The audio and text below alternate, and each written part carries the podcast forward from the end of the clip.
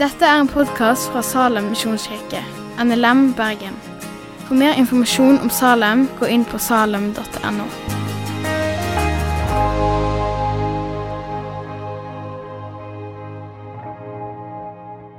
Vi holder jo på med denne taleserien eh, fra Det gamle testamentet, som leder opp imot påsken. Og nå er vi kommet til utfrielsen fra Egypt. Og før Jesu fødsel så er nok dette kanskje en av de største og viktigste historiene i Bibelen. Og det er med en av de mest sentrale personene, Moses, i hovedrollen. Så denne fortellingen har jo utrolig mye å ta tak i. Altfor mye enn det vi klarer å rekke over i dag. Um, så jeg tror det kan være vel så nyttig å zoome litt ut og se på denne historien litt i den større sammenhengen. Så vi skal prøve å ha et sånt fugleperspektiv og så dykke ned i noen enkeltelementer etter hvert. Um, hvis vi ser på frelseshistorien som helhet, så går det kanskje an å oppsummere det på denne måten. Skapelse, fall, dom, frelse og en pilegrimstid, altså en, en tid imellom selve frelsen og den endelige gjenopprettelsen. Så hvis du skulle ha på en måte oppsummert elementene i Bibelen som helhet, så kunne du kanskje gjort det på denne måten, eller en litt, litt lignende måte. Men dette mønsteret, det finner vi igjen. Denne strukturen den går igjen i Bibelen. Det er en gjentagende mønster. Det er en syklus. Så det er òg det overordna rammeverket, men det er òg et gjentagende mønster. Og Den første syklusen vi finner i Bibelen, den har vi allerede vært gjennom i denne taleserien. Det er, begynner fra skapelsen. Du har skapelse, som er selve skapelsen. Syndefallet, som er syndefallet med Adam og Eva. Dommen i form av syndefloden. Og så frelse gjennom arken. Og så er det en tid imellom frelsen i arken og til den endelige gjenopprettelsen. Og det er tiden i arken. Og her er det bl.a. 40 dager og 40 netter med regn. De er jo lengre i arken totalt sett, men dette tallet vil vi se går litt igjen. Og så er det en gjenopprettelse, en ny jord. Alt det gamle er blitt utsletta, vi starter på nytt. Og en ny pakt. Gud oppretter en pakt med Noah med regnbuen som paktstegn, der han lover at en sånn ødeleggelse skal aldri skje igjen. Han skal ikke på nytt oversvømme jorden med vann på denne måten. Og Temaet vårt i dag, utfrielsen fra Egypt, det er òg en sånn syklus. Her er det en ny skapelse. Gud skaper seg et nytt folk med utvelgelsen av Abraham. Og så har vi jo hørt om flere fall i løpet av denne serien. Men Egypt sitt fall er jo at det etter hvert kom en konge som ikke kjenner til Josef, og som begynner å se på israelsfolket som en trussel, som en fiende. Og israelsfolket de faller òg. De blir lagt unna trelldom. De blir slaver i Egypt der du går ifra Josef, som var nestkommanderende under farao, så blir folket, etterkommerne til Jakob, de blir etter hvert slaver. Og Så kommer dommen med de ti landeplagene. Og frelsen ifra dommen det er at israelsfolket blir ikke ramma av landeplagene, men de blir sluppet fri fra fangenskapet. Og Du kan òg se på vandringen gjennom Rødehavet som både dom for egypterne som kom etter dem, og frelse for israelsfolket. Og Så har òg israelsfolket en pilegrimstid. De vandrer i ørkenen i 40 år før de når fram til det lovede land. Og På veien så blir det oppretta en ny pakt med Moses, og de ender opp i et nytt land. Og det ble jo nevnt vi er nå i fastetiden i kirkeåret. Jesus gikk òg ut i ørkenen for å faste, og det var òg 40 dager. Og der skulle han bli fresta av djevelen. Det var hans pilegrimstid før han skulle dø på korset. Jesus han går gjennom den samme syklusen som Adam og Eva, som israelsfolket. Men for Jesus så er det omvendt. Han har ikke et fall. Han motstår fristelsen fra djevelen. Han klager ikke over mangel på mat og drikke i ørkenen. Men det blir likevel en dom. Og her er det han som ikke falt, som blir dømt, mens de de tidligere gangene er folket som er blitt frelst. Og de skyldige som dømte han, det er de som nå får frelsen. Og Jesus oppretter også en ny pakt, den pakten som vi lever i i dag. Og for så vidt et nytt land og et nytt folk. Nå er det ikke lenger bare ett folkeslag, men det er alle folkeslag. Og det er ikke lenger ett geografisk område, men det er hele verden. Men så har vi òg et, eh, et evig løfte som vi kan se fram til, med et himmelsk rike og en fullkommen gjenopprettelse, der alt blir gjort nytt. Og det er vår pilegrimsvandring, det vi ser fram til. Så Sånn er Bibelen bygd opp, og vi finner denne strukturen igjen flere ganger. Både i liten skala og i stor skala. Alt som skjer i frelseshistorien, det baner vei til en endelig oppfyllelse i Kristus. Og det er en rød tråd som går gjennom det hele, fra begynnelse til slutt.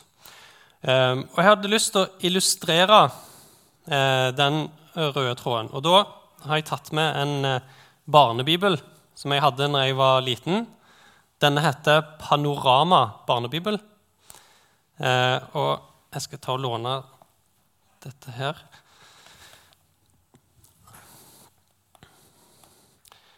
For det som er litt spesielt med denne, forutenom at han er fancy, eh, det er at den illustrerer den røde tråden som går gjennom Bibelen. Nå vet jeg at det er ikke alle som klarer å se på så stor avstand, så jeg har eh, lagt det inn på sliden òg. Og hvis det er noen som hører dette i opptak i ettertid, så går dere glipp av noe stort nå. Her er det visuelle virkemidler, så hvis vi skal ha fulle opplevelsen, så må en komme fysisk på gudstjenestene. Men eh, denne barnebibelen gjør noe som egentlig savner i veldig mange bibler, og tegner de store linjene. Eh, og tegner, gir sammenhengen i Bibelen. Akkurat denne er på arabisk. Jeg vet han fins på andre språk, bl.a. spansk, men jeg har ikke funnet den på norsk eller engelsk. Så hvis det er noen som har connections og klarer å få det til, så hadde jo det vært flott. For det, det er ikke så mange andre som denne. Men eh, det begynner med en, en rød tråd ifra fallet i Edens hage. Adam og Eva faller, de blir kasta ut. Og så blir de kledd med skinnklær. De som prøvde å dekke seg til sjøl med blader, de blir nå kledd av Gud. Og for å lage klær av skinn så må et dyr slaktes og dø. Eh, og da er det illustrert med at blodet starter her, og løftet om frelse Og så fortsetter denne blodstråden gjennom Bibelen, gjennom offeret til Kain og Abel, inn i arken, og så ender han til slutt opp med Jesu død på korset. Så han går gjennom hele frelseshistorien, gjennom alle disse syklusene, og visuelt illustrerer veldig godt hvordan det hele henger sammen.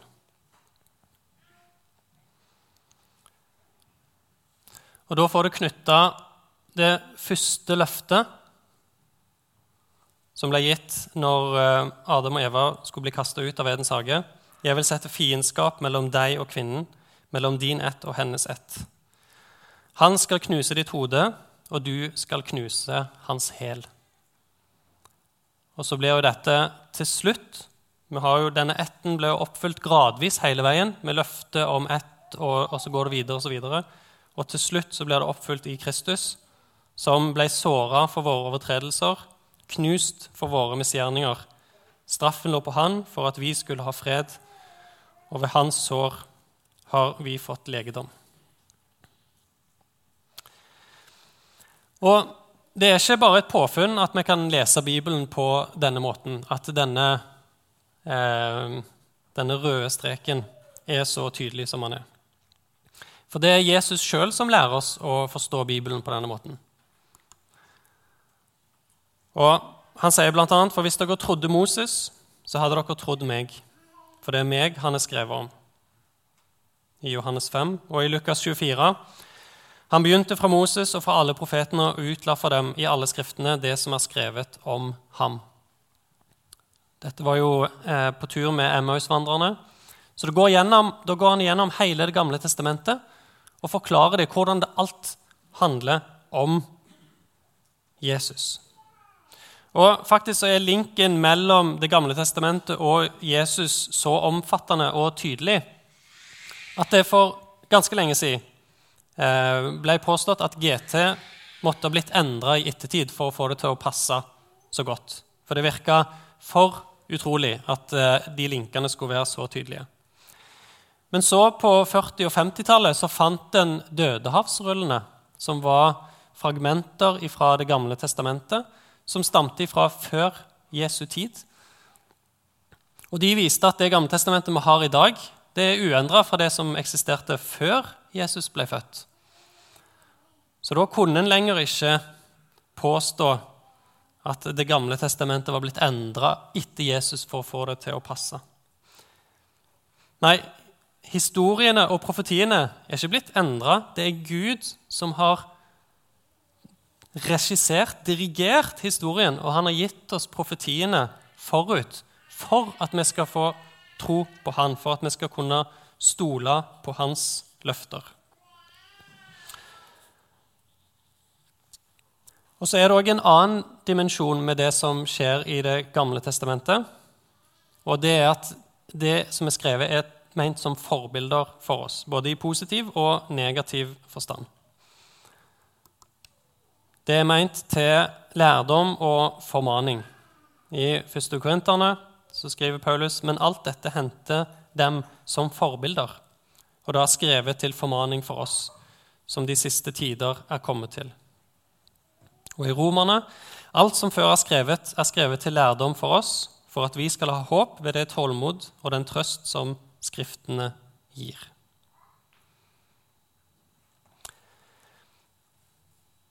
Da skal vi prøve å lande litt fra dette fugleperspektivet eh, og se på et par elementer av utvandringen fra Egypt. Da kan du jo finne fram den sliden her. så står det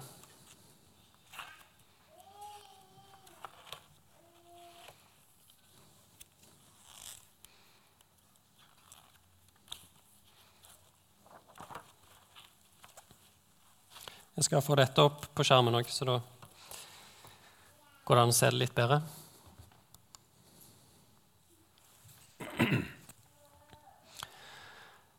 Som sagt, det er veldig mye å kunne stoppe opp med, med denne fortellingen.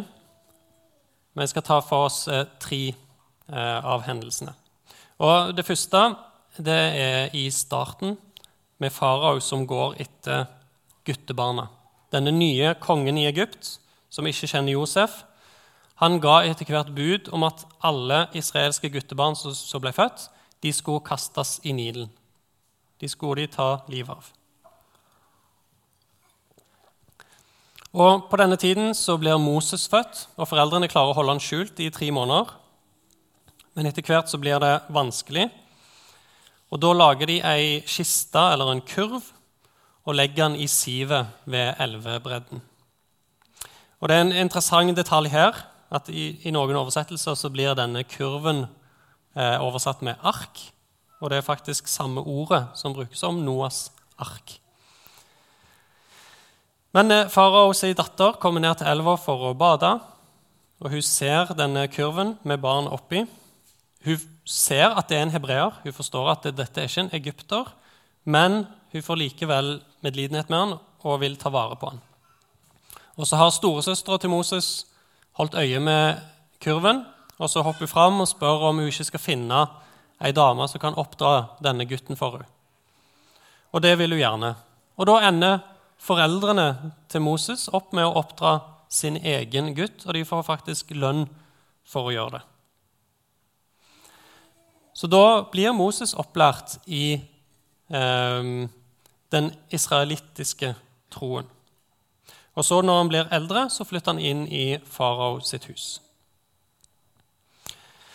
Og Vi leste tidligere dette verset fra første Mosebok om fiendskapen som skulle være mellom kvinnens ett og slangens ett. Og Noen ganger i frelseshistorien så ser vi at dette utspiller seg helt bokstavelig. At farao, som her handler på vegne av djevelen, prøver å ta livet av ætten til Guds folk. Han prøver å ta livet av barna. Men Gud redder Moses, og så bruker han han senere til å knuse farao. Og Det samme utspiller seg igjen når Jesus blir født. Etter Jesu fødsel så befaler Herodes at alle guttebarn under to år skal drepes. Men Marie og Josef de flykter med Jesus. Og hvor er det de flykter? Jo, da flykter de tilbake til Egypt og skjuler seg der før de kan vende tilbake. Og På samme måte som Moses så blir òg Jesus redda ifra dette barnedrapet. I hvert fall midlertidig. Til slutt så gir jo sønnen sitt eget liv, men denne gangen frivillig. Og Hvis vi skal trekke dette inn i vår hverdag, så betyr det at vi må være klar over at denne kampen mellom kvinnens ett og slangens ett den pågår fremdeles. Djevelen er denne verdens gud, på samme måte som farao var Egypt sin gud. Og djevelen hater den sanne Gud, og han hater menneskene som er skapt i Guds bilde. Men han er en feig motstander. Så vi må være bevisst på at han ofte går etter barna. Og spesielt så er han ute etter Guds barn, både i åndelig og fysisk forstand. Livet her på jord det er en åndelig kamp. Og det er det enten vi er klar over det eller ikke. Vi kan se i Efesene 6 Ta på dere Guds fulle rustning, så dere kan holde stand mot djevelens listige angrep. For vi har ikke kamp mot kjøtt og blod, men mot maktene, mot myndighetene, mot verdens herskere i dette mørket, mot ondskapens ånde her i himmelrommet. Guds fulle rustning er jo et tema i seg sjøl. Men det meste på rustningen er jo ment til å beskytte oss, beskytte ulike deler av oss. Men så er det en del av rustningen som brukes både til forsvar og til angrep. Og det er åndens sverd, som er Guds ord.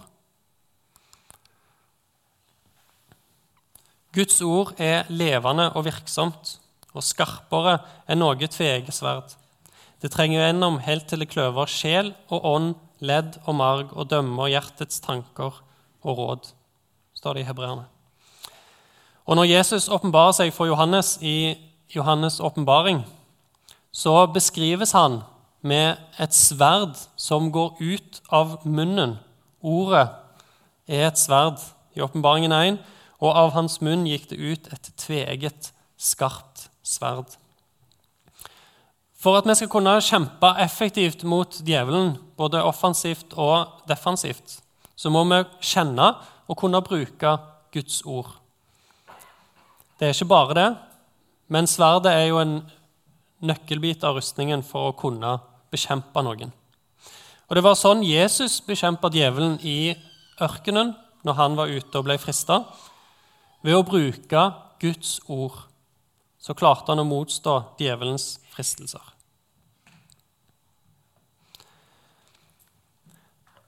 Vi skal hoppe videre igjen i fortellingen. Moses, eh, når han blir eldre, så ser han en egypter som eh, slår en hebreer, og ender opp med å drepe egypteren. Og Så blir dette oppdaga, og så må han flykte fra Egypt. Så møter han Gud i tornebusken og blir eh, bedt om å han, får oppdraget om å utfri folket. Og Farao nekter gang på gang, og da blir han ramma av landeplagene. Og Vi skal ikke gå gjennom de eh, plagene, det er ti stykk. Men den niende det er det at det blir mørkt i Egypt i tre dager. Og den tiende det er det at alle førstefødte guttebarn, både av folk og fe, vil dø. Og Til nå så har ikke de andre landeplagene ramma israelsfolket. De var hele tida beskytta. Men den siste, døden, den vil òg ramme de. For syndens lønn er døden, og alle hadde synda, inkludert Guds folk. Men det fantes en måte å beskytte seg på. De skulle ta et feilfritt lam, et lyteløst lam, og så skulle de slakte det og bruke blodet til å smøre på dørkarmene. Og inni huset der skulle de ha måltid. De skulle spise lammet som de hadde tilberedt og grilla. Og så skulle de spise brød. Og det var ikke tid til å la brødet heve, så du skulle spise brød uten gjær. Usyret brød.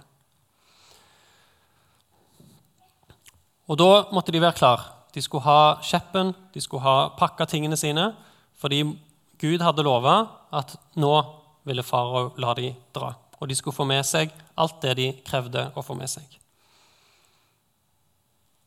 Alt det førstefødte blant både dyr og mennesker ville dø. Men der det var blod på døra, der ville Herren gå forbi. Og Dette blir det jo bedt om å feire i ettertid, som en påminnelse. Forbigang, påske som betyr forbigang. Og Det fins jo knapt et bedre bilde på Jesu gjerning. Og Det er jo ikke tilfeldig at det er under påskemåltidet, nettopp dette måltidet, der Jesus innstifter sin nye pakt. Nattverden er en fortsettelse av dette minnesmåltidet, men det er utvida. Det er ikke bare et minnesmåltid, men det er òg et nådemiddel. Under denne høytiden så mintes de at de ble frelst fra døden ved å slakte et lam. Og ved den nye pakt så blir Guds lam slakta for hele verdens synder. Og På samme måte som det ble mørkt i Egypt i tre dager før de førstefødte døde, så blir det mørkt i tre timer når Jesus henger på korset, før den enbårne sønn dør. Sammenhengene og bildene de kommer på en snor i denne fortellingen. Vi kan se på noen av de versene som eh, har denne linken. Dagen etter ser han Jesus komme til seg og sier, 'Se der Guds lam som bærer verdens synd', når Johannes ser Jesus. Og I Korinterne så blir Jesus beskrevet som vårt påskelam som er slakta.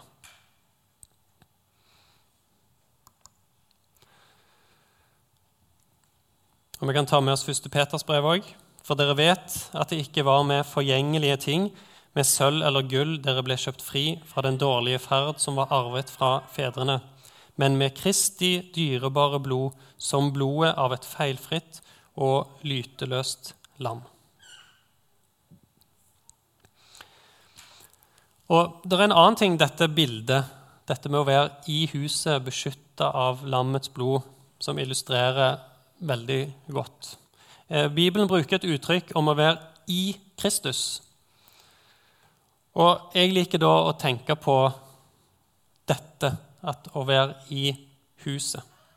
Blant annet ingen fordømmelse for den som er i Kristus Jesus. Fordi hvordan du opplevde ting inne i huset, kunne være veldig ulikt. Noen var kanskje lykkelige, sang lovsanger, feira. Andre var kanskje livredde, gjemte seg. Noen gjerne likegyldige, forsto ikke helt hva som skjedde. Og kanskje det gikk litt opp og ned mellom de ulike måtene en kunne oppleve det. Men hvordan de opplevde det inni huset, betydde egentlig ingenting. Det som var viktig, var om du var i huset, om du var dekka av lammets blod. Og sånn er det for oss kristne òg. Det er det objektive faktum om du er dekka av lammets blod, som gjelder, ikke din subjektive oppfatning om hvordan ting er. Så lenge vi er i Kristus, så er vi frelst. Og Vi kan oppleve både sorg og glede, medgang og motgang. Men så lenge vi har tilflukt til Jesus og tror at hans død redder vårt liv, så er vi Guds barn og Guds folk, og vi er i Kristus, beskytta av Jesu blod. Det er en eh, siste ting som jeg skal ta med fra denne eh, ørkenvandringen. Ja, og det er ørkenvandringen. Eh, fordi det tok litt tid fra de var kommet ut fra Egypt, til de nådde fram til det endelige målet. Og det tok faktisk ikke lang tid før de kom ut, til de begynte å lengte tilbake. Der de begynte å klage og nesten angre på at, Jesus, på at Moses hadde ført dem ut fra Egypt. Når de var sultne og tyste i ørkenen, så huska de på den gode maten og den gode drikken som de hadde i Egypt.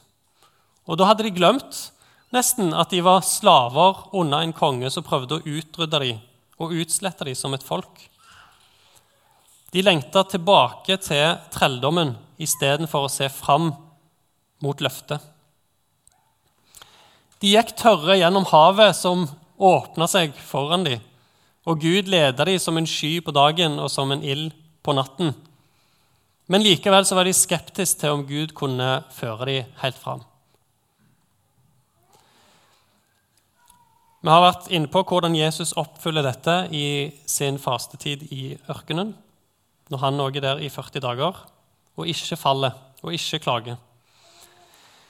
Men dette er òg et bilde på det kristne livet. Vi òg har en pilegrimsvandring. Eh, det lutherske uttrykket er ofte 'allerede, ennå ikke'. Vi er frelst, men den endelige gjenopprettelsen den er ikke kommet ennå. Den kommer ved Jesu andre komme. Vi har en gang vært slaver under synden. Jesus sier den som gjør synd, er syndens trell. Og I løpet av vår ørkenvandring, vår pilegrimsvandring, så kan det hende at vi òg begynner å lenke, lengte tilbake til trelldommen. Ting som vi egentlig er glad for å være fri fra, begynner å virke forlokkende og fristende. Og dette er en indre kamp som vi aldri blir helt kvitt før den endelige gjenopprettelsen. Paulus skriver en del om dette i Romerne 7. For vi vet at loven er åndelig. Jeg derimot er skjødelig, solgt til trell under synden. Jeg skjønner ikke det jeg gjør, for det jeg vil, det gjør jeg ikke. Men det jeg hater, det gjør jeg. Så hvis vi skal lære noe fra Israels ørkenvandring og denne pilegrimsferden, så er det å ikke lengte tilbake og ikke se seg bak og tenke på hvordan ting var før, men å heller se fram mot løftet, se fram til det evige livet, at vi ikke er for komfortable med livet her. For dette er bare en fraktetappe. Det er en eh, mellomstasjon. Det endelige reisemålet vårt ligger foran. Og Da kan vi ta med oss eh, verset fra Filippane 3,14 til avslutning. Men ett gjør jeg. Jeg glemmer det som ligger bak, og strekker meg etter det som er foran, og jager mot målet, til den seierspris som Gud har kalt oss til, til der ovenfra, i Kristus Jesus. Amen. Takk for at du har hørt på podkasten fra Salem, Bergen. I Salem vil vi vinne, bevare, utruste og sende. Til Guds ære. Vi ønsker å se mennesker finne fellesskap, møte Jesus og bli disippelgjort her i Bergen og i resten av verden. Vil du vite mer om oss, gå inn på salem.no.